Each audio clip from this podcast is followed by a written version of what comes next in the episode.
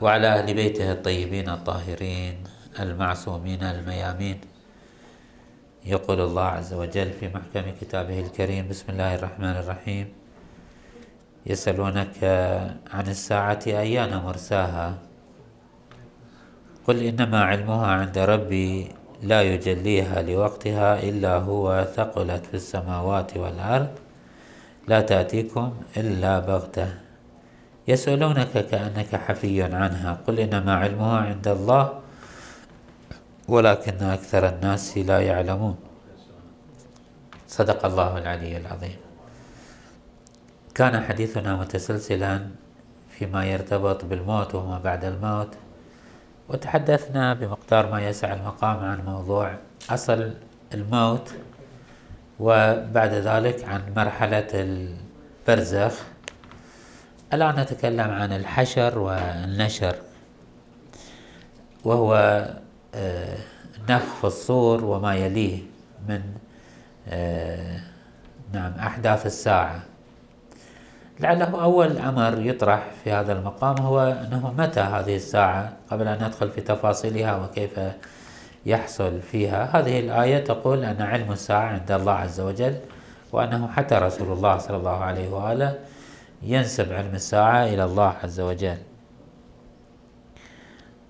يقول القرآن في آه، نص آخر أنه هل ينظرون إلا أن يأتيهم الله في ظلل من الغمام والملائكة وقضي الأمر وإلى الله ترجع الأمور. فالأمر بيد الله عز وجل وأنه من عالم الأمر.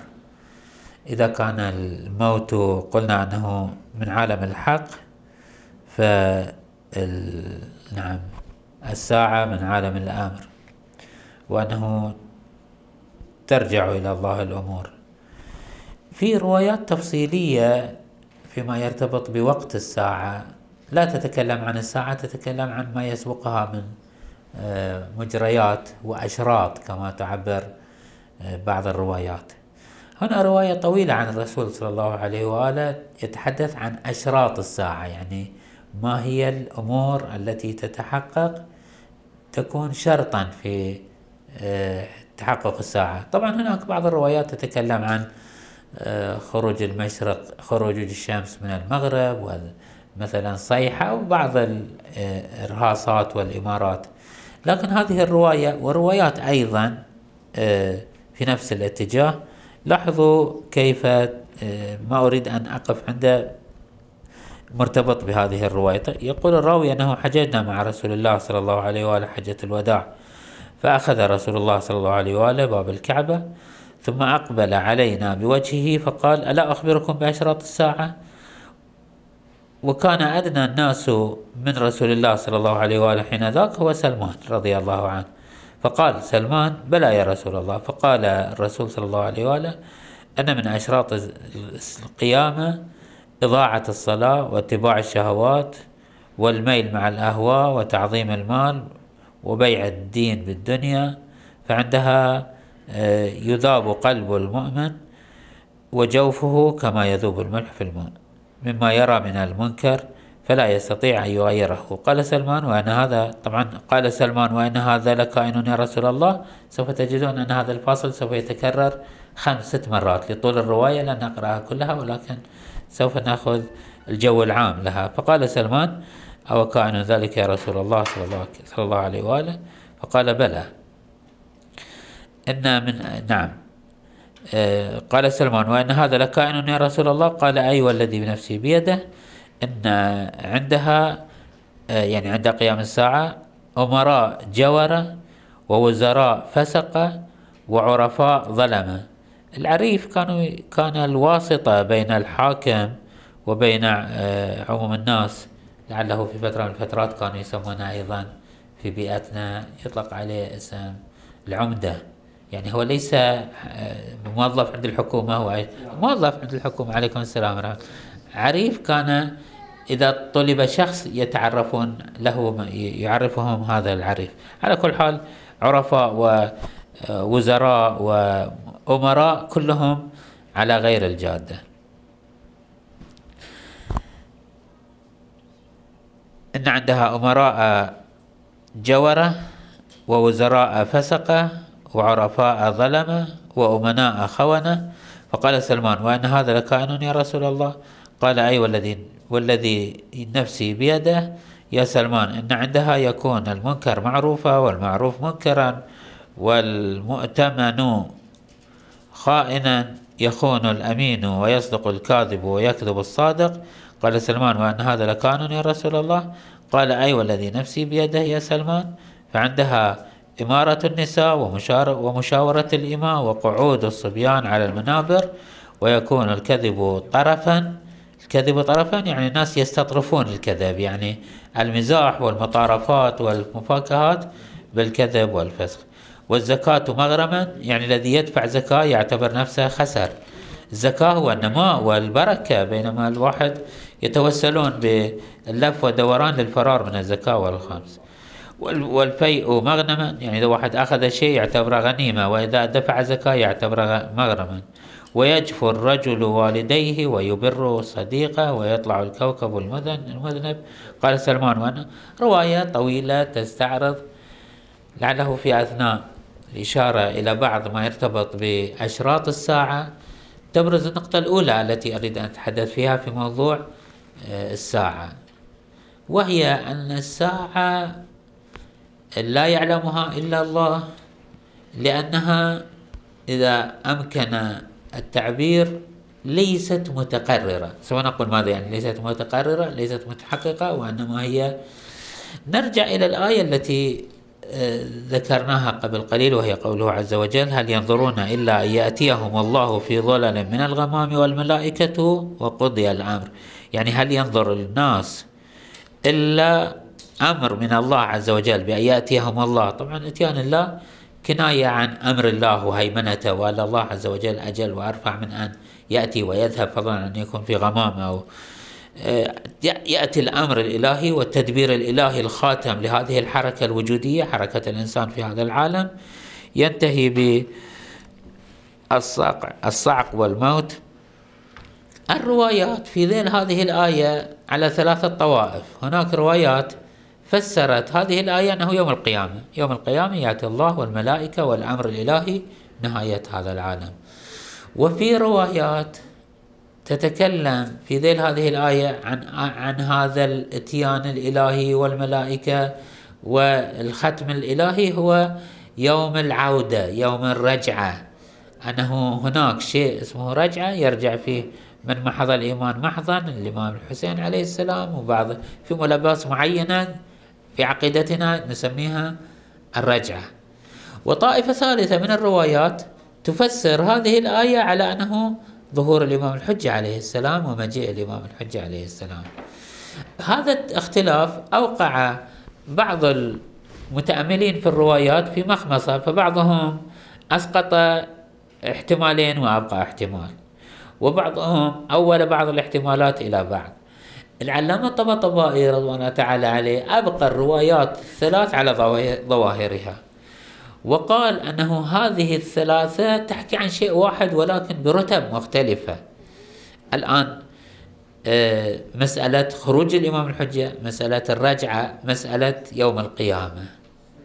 هذه المسائل الثلاث لا بصل على محمد وآل محمد. اللهم صل وسلم على محمد وآل هذه النقطة التي أشار إليها العلامة طبطبائي من أنه هذه العناوين الثلاث ترجع إلى شيء واحد وأنه الاختلاف ليس ب...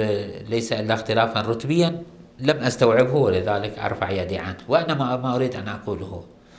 هو أنه الآن لنذهب إلى ال... ليس إلى يوم القيامة إلى مسألة ظهور الإمام الحجة عليه السلام. أنه متى يظهر الإمام الحجة؟ نحن ندعو الله ونتوسل ونأخذ بالأسباب. كذب الوقاتون وأنه لا وقت له عندنا. مما نسب إليهم عليهم السلام. لا وقت له عندنا يعني نحن لا نعرفه. صحيح؟ هذا لأنه مثل يوم القيامة وكذلك الرجعة. مثل يوم القيامة ليس أن هناك شيء يجهلونه هم عليهم أفضل الصلاة والسلام فضلا عنا أننا نجهله.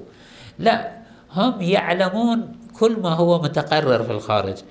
مر علينا أمس في أثناء الحديث عبارة سريعة عندما قلت في المنامات أن النفس عندما تذهب إلى عالم الملكوت وأنها تطلع على الواقع الذي سوف يظهر بعد حين مثل هذا الذي حصل عند هذا الملك الذي رأى سبع سبع سنوات وسبع يعني 14 سنة اطلع على أحداث سوف تحدث إلى 14 سنة كيف يعني؟ هذا لأنه اطلع على الواقع الذي سوف يظهر. عندما رجع إلى الأرض اختلطت عنده ما رآه في الواقع بما تحدثه خيالاته. فصورت له هذه السنين عجاف على أنه سبع بقرات عجاف. أو سبع سنابل آه، يابسات. وسبع سنوات ال ال نعم الكريمة رآها فهذه تداخلت المخيلة بما راه في الواقع. ما أريد أن أقوله هو أن هناك واقع متقرر الأئمة عليهم السلام بعض الأحيان يخبروننا عما سوف يجري في أحداث والرسول صلى الله عليه وآله. عندما يخبرنا عن أشياء لا يخبرنا عن تخمينات أو عن أمور قيل له أنه سوف تحدث. لا يخبرنا عن أشياء سوف تحدث واقعا. لعله مر سابقا في بعض الأحاديث معكم أو في غير هذا المجلس أن الرسول صلى الله عليه وآله عندما ي... مثلا عندما يخبر أن الإمام الحسين سوف يقتل. هذا كلنا نعلم به. قد يقال أنه لماذا لا يتوسل للفرار من مقتل الإمام الحسين؟ لا سبيل إلى ذلك لأنه ليس يخبرنا عن شيء افتراضي. يخبرنا عن شيء هو يعلم أنه له أصول سوف تظهر بعد آه، مجموعة سنين. نرجع هنا نقول هناك أشياء متقررة في الواقع نجهلها ويعلمها أهل البيت. وهناك أشياء متغيرة لا تزال هي في طور آه، الإعداد والترتيب. مثل ظهور الإمام الحجة عليه السلام مثل الرجعة مثل يوم القيامة. هذا محل شاهدنا. يوم القيامة متى؟ يوم القيامة قد يكون بعد. الرسول صلى الله عليه وآله يقول أنا والساعة كهاتين الحين لما مضى عليه 1400 سنة هو يقول هاتين. وين هاتين؟ ولا صفر الله. لا هو كهاتين بمعنى معين. هناك آه، تقارب بين الرسول صلى الله عليه وآله والساعة. كل ما هناك أنه نحن بأعمالنا أنت أيها الإنسان الكائن البشري. وهذا معنى أنه ثقلت في ميزان السماوات والأرض. أنت أيها الكائن البشري أنت تحدث بفعلك وبتصرفاتك. وهذا معنى أشراط الساعة. يعني عندما تنتشر هذه المفاسد عندما تشيع هذه الأخلاق وهي سوف تشيع. وسوف تصل بالإنسانية هذه المراتب التي قالها رسول الله صلى الله عليه وآله وهو سبب إتيان الساعة.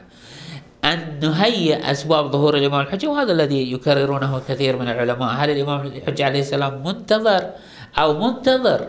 هو ينتظر منا أن نحقق أرضية معينة. إذا نحن الذين نحدد سرعة الساعة أو بطئها. نحن الذين نساهم في حركة هذا الكون ككل. نحن يعني لسنا أنا وأنت وأنما التدافع البشري ككل. إذا النقطة الأولى التي يجب أن نستحضرها في مسألة يوم القيامة أنها ساعة يعلمها الله مجهولة على الجميع لأن الله عز وجل يعلم بحركة الإنسان وبالكون وبما خفي من الأمور. وأما في دائرة الإنسانية بما فيهم الأنبياء والأوصياء فأنهم يجهلون بهذه الساعة لأنها تدور مدار حركة الإنسان الاختيارية والإنسان هو الذي يساهم في تعجيلها وفي بطئها. هو الذي يساهم في تعجيل الساعة وفي بطئها هو الذي يساهم في تعجيل الرجعة وفي بطئها وهو الذي يساهم في تعجيل خروج الإمام الحجة عليه السلام وتأخيره. النقطة الثانية هي أنه في عالم يوم القيامة مر علينا شيء اصطلحنا عليه بتجسد الأعمال. ومر علينا اصطلاح آخر سميناه ب آه، الواقعية مقابل الاعتبارية. ماذا يعني؟ يعني أنه يوم القيامة الأمور كلها إمار يعني بتعبير القرآن في وصفه للآخرة أنها آه، دار الحيوان. هي مرحلة الحياة مرحلة الحياة الحقيقية. نحن هذا أيضا تكلمنا عنه في أنه نحن في هذه الدنيا نسبة كبيرة من مجرياتنا قائمة على أساس الاعتبار والتواضع. الاعتبار والتواضع يعني الجعليات قلنا أنه اللغة مسألة اعتبارية وتواضعية لأنه نحن العرب نتواضع في ألفاظ معينة ونتبادل المفاهيم والمشاعر والتصورات والعلوم من خلال هذه اللغة الاعتبارية الافتراضية. وإلا إذا يأتينا تركي أو هندي أو مثلا أجنبي لم ي... لم يت... لا ليس هو أقل منا فهما ولكنه لم يدخل معنا في هذه التواضعات فلا يفهم هذه المعنى. هذا تواضع أممي كل أمة تضع لها مجموعة اصطلاحات وهناك تواضعات بشرية البشرية كلها تتفق نسبيا. مثل مسألة الملكية والزوجية هذه أمور اعتبارية تواضعية الناس يتفقون على أنه من وضع يده على شيء في دائرة معينة يصبح يملك هذا الشيء. هو في الحقيقة لا يوجد شيء أكثر من أنه هناك فرق بين ملكي لهذه الأغراض والمتعلقات والمتعلقات أنا أملكها. وهناك شيء أملكها واقعا. ماذا يعني أملكها واقعا؟ أنا أملك تفكيري واقعا. أملك يدي وحركة يدي واقعا. أملك مشاعري وأحاسيسي واقعا لأنه أنا أخلقها. أنا آه، أحدثها. عادة أمثل هكذا. أنا أملك الرجل الخيالي الذي تصنعه مخيلتي. أنت لا تستطيع أن تجعل من هذا الآن أنا لو أتخيل رجل يلبس مثلا ثوبا وغترة أنت لا تستطيع أن تجعله يلبس ثوبا أحمر أو أصفر. أنا أستطيع. لا تستطيع أن تنهبه لا تستطيع أن تأخذه لا تستطيع أن تتصرف فيه. نعم تستطيع أن تتصرف في قلمي دفتري. هذا واضح. في عالم الآخرة عالم الملك الواقعي بل عالم الحياة الواقعية لا بأس أسترسل في هذا المعنى. في مرة سابقة ضربت بهذا المعنى مثالا. ولعله أكرره وأعتذر لتكرار هذه الليلة ولكن أريد أن أنقح هذه المسائل. في أنه في الآخرة عالم واقعي حي ولا يوجد عالم اعتباريات وافتراضيات. في هذا العالم الذي نحن نعيشه نستطيع أن نتبادل مثلا الملاطفات وألقي في نفسك مشاعر غير صحيحة. مرة سابقة ذكرت لكم هكذا كان هو واحد يقول حق واحد أنا أحبك. ويجي آخر يقول لي أنا أيضا أحبك. لا أستطيع أعرف الصادق من الكاذب ولا أستطيع أن أعرف أيهما أشد حبا لي. في يوم القيامة لا يوجد هكذا آه، آه، آه، نعم مساحة جعليات واعتباريات. يوم القيامة أمر واقعي حي. وهذا أيضا سوف يترتب عليه معاني معينة. منها في هذا مسألة أن الميزان يوم القيامة هذا الذي كلنا نذكره أنه هناك حساب ومحاسبة وميزان. ذكرنا في مرات سابقة أنه ليس الميزان كفتين في فكرة الميزان وقع المتكلمون علماء الكلام في بداية الحركة الإسلامية في مخمصة هل يوجد شيء اسمه إحباط؟ إحباط يعني أنه العمل الصالح يأتي العمل الفاسد يصير أثقل منه؟ فيسقط العمل الصالح عن ما نحسبه ما يحسب. كانوا هكذا يتصورون. فقال بعض العلماء الشيعة غالبا قالوا لا يوجد شيء اسمه إحباط. القرآن يتكلم عن الإحباط. وذلك لأنه الميزان ما فهمه الميزان ليس آلة وزن. الميزان بناء على تجسد الأعمال هو ما أشرت إليه الروايات من أن في, في هذه الدنيا الإنسان إذا عمل عملا سيئا أصيب قلبه بالقلب موجود أبيض أحمر في بدنه ولكن أبيض في الواقع التكويني. هو أبيض ولكن إذا فعلت معصية تكون هناك كما تعبر الرواية نكتة سوداء. هذه النكتة السوداء كلما ارتكبت معاصي كلما انتشرت هذه النكتة حتى تهيمن على القلب ويصبح قلبا أسودا. هذا واقع تكويني وليس أمرا اعتباريا. وهذا التدافع بين هذه النكتة السوداء وبياض القلب الذي يطهره ويزيل هذه النكتة العمل الصالح والتوبة. إذا هنا الآن الميزان. من هنا الميزان لأنه يوم القيامة عندما يؤتى به كل إنسان ألزمناه طائره في عنقه. هو هذا قلبي يشهد عليه وهذا هو أعمالي وهذا هي التي توزن وهي التي يحبط بعضها بعضا ويكفر بعضها بعضا. هذا التفاعل تفاعل واقعي تكويني خارجي ليس امرا اعتباريا سوف يتحقق في تالي الزمان. النقطة الثانية التي تترتب على موضوع تجسد الأعمال وواقعية الأمور أنه الجنة والنار موجودتان الآن وهذا ذكرناه في أعوام سابقة وليست نعم وكشفنا عنك غطاءك فبصرك اليوم حديد. الجنة والنار موجودتان. الرسول صلى الله عليه وآله دخل الجنة ورأى أهل الجنة يتنعمون ورأى أهل النار يتعذبون ورأى بيوتنا وأموالنا هناك كيف ننقلها. وأنه الحسنة جاء سائل إلى رسول الله صلى الله عليه وآله يعني واحد يطلب واحد فقير يسأل الرسول صلى الله عليه وآله فقال له الرسول صلى الله عليه وآله أهلا بناقل الحسنات. هناك مكان تنقل إليه الحسنات الآن. أعطيك الآن مبلغا ماليا ينتقل مباشرة حوالة إلى هناك. والملائكة الآن يبنون لك قصور يزرعون لك آه، نخيل. نعم هو يزرعون نخيل إذا سبحت وحمدت وأتيت بالصالحات.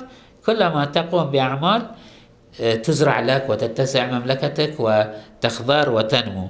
وبمقدار ما تقوم أعاذنا الله وإياكم من معاصي فإن هذه الأعمال تحترق وهذه الأشجار تزول. ولذا يقال أن الرسول صلى الله عليه وآله قال لبعض أصحابه أنه من قال سبحان الله والحمد لله بني جعل له كذا نخلة. فقال إذا ما أكثر الأشجار عندنا؟ قال نعم ولكن لا تحرقوها ب آه، نعم بالحسد والغيبة والنميمة وما شاكل ذلك. النقطة الثالثة التي غير أشراط الساعة وغير واقعية يوم القيامة التي يجب أن نستحضرها كأرضية للحديث عن الروايات التي سوف نشير إليها التي تتكلم عن ملابسات الحشر واحواله والنشر والميعاد. آه، كما فعلنا في موضوع البرزخ وأنه كيف فسرنا كل الروايات بناء على أرضية معينة. كذلك سوف نفعل فيما يرتبط بيوم القيامة وهو بساطة الإنسان. الإنسان في هذه الدنيا موزع مشتت متعدد القوى حتى يظن الظان أنه لعله سمعنا أنه الإنسان مكون من أذرع وكذلك ظن بعض الفلاسفة أن الإنسان مكون من قوى مختلفة في قوى سبعية في قوى شهوية في عاقلة وكل واحدة من هذه القوى تجره إلى عالمه. القوى القوى السبعية الغضب والتنمر وال نعم الهجوم على الآخرين والاعتداء يسمونها قوة غضبية. قوة هذه يسمونها قوة غضبية وقوة سبعية. قوة حيوانية شهوي شهوانية خنزيرية يحب يشتهي يأكل ينكح يتلذذ بألوان الطعام. قد ما تكون عنده غيرة قد ما يكون عنده حمية قد ما يكون عنده شجاعة ولكن في ناس بهالشكل وفي ناس بهالشكل. وفي طرف في آه، نمط ثالث من الناس عاقل موزون متوازن لا هو سبعي لا هو شهوي. حتى يقال أن النفس الإنسانية متعددة القوى. بعضهم يقولون النفس أصلا متعددة الأشكال. هناك شيء اسمه نفس لوامة وهناك شيء اسمه نفس أمارة وهناك شيء اسمه نفس مطمئنة. بل أنه بعضهم يقولون أنه الإنسان أصلا متمزق إلى جهتين. في شيء اسمه نفس في شيء اسمها روح.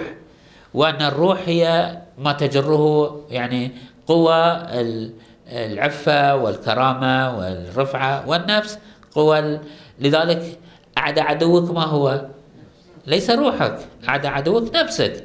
أما روحك هي التي تعادي التي تحارب النفس. ولكن في الحقيقة كل هذه الاصطلاحات ترجع إلى شيء واحد. ترجع إليك أنت. لا نستطيع أن نعبر عنها بغير أنه أنت. أنت في ساعات عندما تتجه إلى الكمال والرفعة تنمو عندك الروحانية فتصبح روحانية الطباع فتقوى عندك العقل فتتوازن عندك السبوعية وال والشهوية. أنت عندما تستسلم وتنساق لهوى النفس تجرك هوى النفس تجرك بآلة السبعية أو بآلة ال... هذا التعدد في بعض العلماء هكذا يأتي بلفظة جامعة مانعة لهذا المعنى. يقول والنفس في وحدتها كل القوى هي واحدة ولكنها مجموعة قوى ترجع هذه القوى. يقولون حتى بالنسبة لي الآن لاحظوا أنه الإنسان عنده خمسة قوى اللي يقولون عنده السامعة والباصرة والشامة والذائقة واللامسة. يقولون هناك شيء جامع لهذه الخمسة وهي في الحقيقة التي تدرك. لاحظوا في حتى في أثناء توصيف المعصومين عليهم السلام للنفاق مثلا. يقولون النفاق أخفى من دبيب النملة السوداء على صخرة الصماء في الليلة الرياء. والنفاق كذلك ترى. زين الرياء. الخلاصة لا بأس. لماذا يكون في ليلة ظلماء لأنه الإنسان إذا ما شاف ما يسمع. هناك جهة خامسة جهة سادسة مركز لمجموع هذه المعلومات. تتعاون هذه المعلومات في أن يكشف بعضها عن بعض. خلاصة ما أريد أن أقوله. النفس بسيطة في ذاتها. ليست متعددة ليست متقسمة. نعم هي في هذه الدنيا مبتلى بنوع من التشتت. مطلوب منها أن تراعي مسألة البدن فتنشغل به فتقوى عندها البعد النفسية البعد النفسي. يعني تحتاج أن تأكل تشرب تتمتع آه، توفر أسباب الراحة للبدن. وفي نفس الوقت عندها تطلعات روحية فتتوزعها الاهتمامات وتختل عندها التوازنات. في فترة تنشغل بالبدن فترة تشتغل بالعقل. العقل أيضا عالم طويل عريض يحتاج إلى تغذية ومؤونة وتأمل وفكر. المشاعر تحتاج. ولكن هي النفس هي التي تدير كل هذه الشركات وكل هذه المؤسسات وكل مؤسسة فيها قوة وفيها عمال وفيها.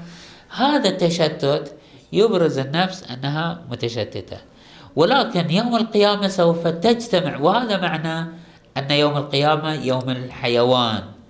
سوف توجد نفسك مجتمعة. ماذا يعني النفس مجتمعة؟ ما هو ماذا يترتب على أن تكون النفس مجتمعة؟ خلوا هذا الشاب يسكت شوي عشان أنا أفهم. خل... انتهيت تقريبا فقط أريد أقول هذا المعنى. يوم القيامة سوف تكون اللذة والبهاء والأنس أضعاف أضعاف ما يشعر به الإنسان اليوم. لأن اليوم يتلذذ ببدنه. مر علينا. أنه كيف السبيل إلى أن أتلذذ أشرب الماء وأكل الفاكهة. يوم القيامة النفس ما تتلذذ بواسطة البدن ولا حتى بواسطة الفكر ولا حتى وإنما تداهم اللذة مباشرة. تندك في اللذة. ولذا سوف تكون الأحاسيس والمشاعر حادة وعنيفة وقوية جدا جدا جدا بحيث لا توصف. ولا تستوعب بهذه الدنيا. سوف تكون المتعة أضعاف أضعاف. يكفي أن مثلا هكذا ما لعله الآن آه، الناس أكثر لذة لعله لذة الوقاع والنكاح. أنه يحضن شو اسمه الإنسان في الجنة الزوجة فيبقى ألف سنة. طبعا تحاول الروايات أن توصف مدى شدة وعمق لأنه هذه التلذذات ليست لذة مادية بدنية. هذه اللذة بكل وجودك. تندك أنت في هذه اللذات. كذلك العذاب أعاذنا الله وإياكم. العذاب سوف يكون شنيعا شديدا عنيفا. لا يموتون فيها لا لا يموت فيها ولا ولا يحيا. لا هو ميت لا هو حي. نار تطلع على الأفئدة. لا تصيب الوجه فقط لا تصيب البطن فقط لا تتسلط على الظاهر الجلد. نعم هي تبدأ من كلما نضجت جلودهم بدلناهم جلودا غيرها. لا يخلو شيء من ألم. ولكن الألم يذهب إلى العمق إلى أعمق الأعماق إلى الروح إلى القلب. يصير الاشتعال من أعماق القلب. يصير يكفي أن الإنسان أعاذنا الله وإياكم. يشعر أنه لا أمل له في الخروج يكفي أنه يشعر أن الغضب الله هو غضبان عليه. كما تعبر يعبر الإمام أمير المؤمنين في دعاء كميل هبني صبرت على عذابك هبني صبرت. كيف أصبر على فراقك؟ كيف أصبر على نفس شعورك؟ أنك مبعد ملعون مغضوب. هذا لأنه يسير هذا الألم إلى أعماق أعماقك. وهذا معنى أن الدار الآخرة هي دار الحيوان. كل شيء فيه حي كل شيء فيه واقعا يتلظى بالحياة وتسري فيه المشاعر والأحاسيس. ولذلك لا تقاس أمور هذه الدنيا بأمور الآخرة لا لذة ولا ألمان أعاذنا الله وإياكم. ولن نستطيع أن نستوعب لأنه قلت لكم أنه البرزخ حالة فقط ننزع فيه الروح عن منطق البدن. مشكلة الإنسان أنه في هذه المرحلة الوجودية تلوث بهذه البدن الذي هو آلته هو وسيلة الآن هو مضطر لها. ولكن مضطر أشبه ما يكون بذلك الذي آه، صعد على دابة أصبحت حرونا متمردة صارت هي تسوقه هي تمشي به. نفس الكلام نحن في هذه الوجود كنا في عالم أنوار جئنا إلى هذا العالم المادي وصعدنا على هذه الدابة البدنية ولكننا مع الأسف استرسلنا مع حاجتها. في البداية أعطيناها شيء من العشب والأكل والحشيش. هي أنست بذلك. ما عادت تأتمر بأمر الراكب. أصبحت هي دائما تمشي وتذهب حيثما يلذ لها. أصبح الراكب هو الذي ينقاد لها. هو وكم من آه، عقلا أسير تحت هوى أمير. أعاذنا الله وإياكم من الانقياد لأسباب المادة ونرجو من الله سبحانه وتعالى أن يفتح عقولنا وافقنا على عالم الآخرة. والحمد لله رب العالمين وصلى الله على محمد وآل بيته الطيبين الطاهرين.